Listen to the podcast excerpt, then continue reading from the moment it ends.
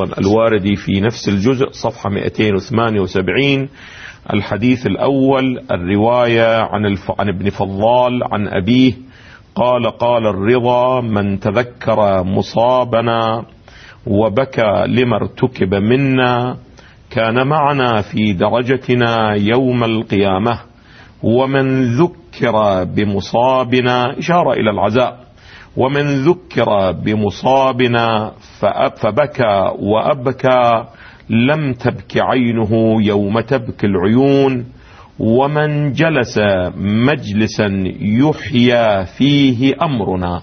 التفتوا جيدا. هذا النص إنما ذكرته لأني أعتقد إن شاء الله تعالى أن هذه الحلقات وأن هذه الأبحاث من الأبحاث التي ينطبق عليها ما أشار إليه الإمام الرضا عليه أفضل الصلاة والسلام حيث يقول ومن جلس مجلسا يحيى فيه أمرنا في رواية أخرى عن الإمام الرضا سئل يا ابن رسول الله وكيف نحيي أمركم؟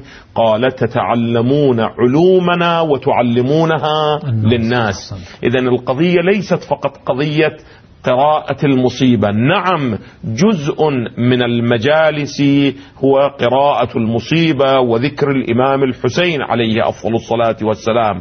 ولكن لا ينبغي الاكتفاء بذلك على الإطلاق وإنما لا بد أن نستفيد من هذه المجالس ومن بركات هذه المجالس ومن بركاتها أنه واقعا نوصل معارف الناس إلى المسلمين نعرف المسلمين حق حقائق القرآن الكريم حقائق أهل البيت مقامات ودرجات نعم. أهل البيت عليهم أفضل الصلاة والسلام. ومن جلس مجلسا يحيى فيه أمرنا لم يمت قلبه يوم تموت القلوب. وهنا أيضا إذا تسمح لي دكتور دقيقة واحدة أيضا.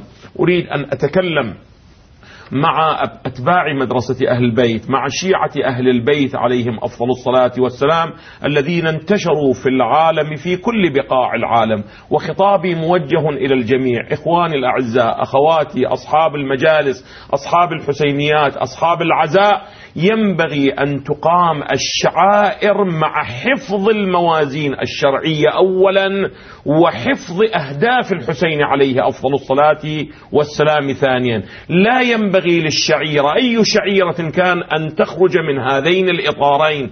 الإطار الأول الموازين الشرعية والإطار الثاني أن ينظر إلى الزمان والمكان والظروف والشروط التي نعيشها لئلا يكون تكون هذه الشعائر سببا في عدم فهم قضية الحسين بل تكون سببا في انتشار نظرية وانتشار نهضة الإمام الحسين. وهذا الذي أعبر عنه ويعبر عنه بحسب الاصطلاح. لا ينبغي للشعائر أن يلزم منها نقض الغرض وإنما ينبغي أن تكون منسجمة مع الأغراض والأهداف التي قام من أجلها الحسين.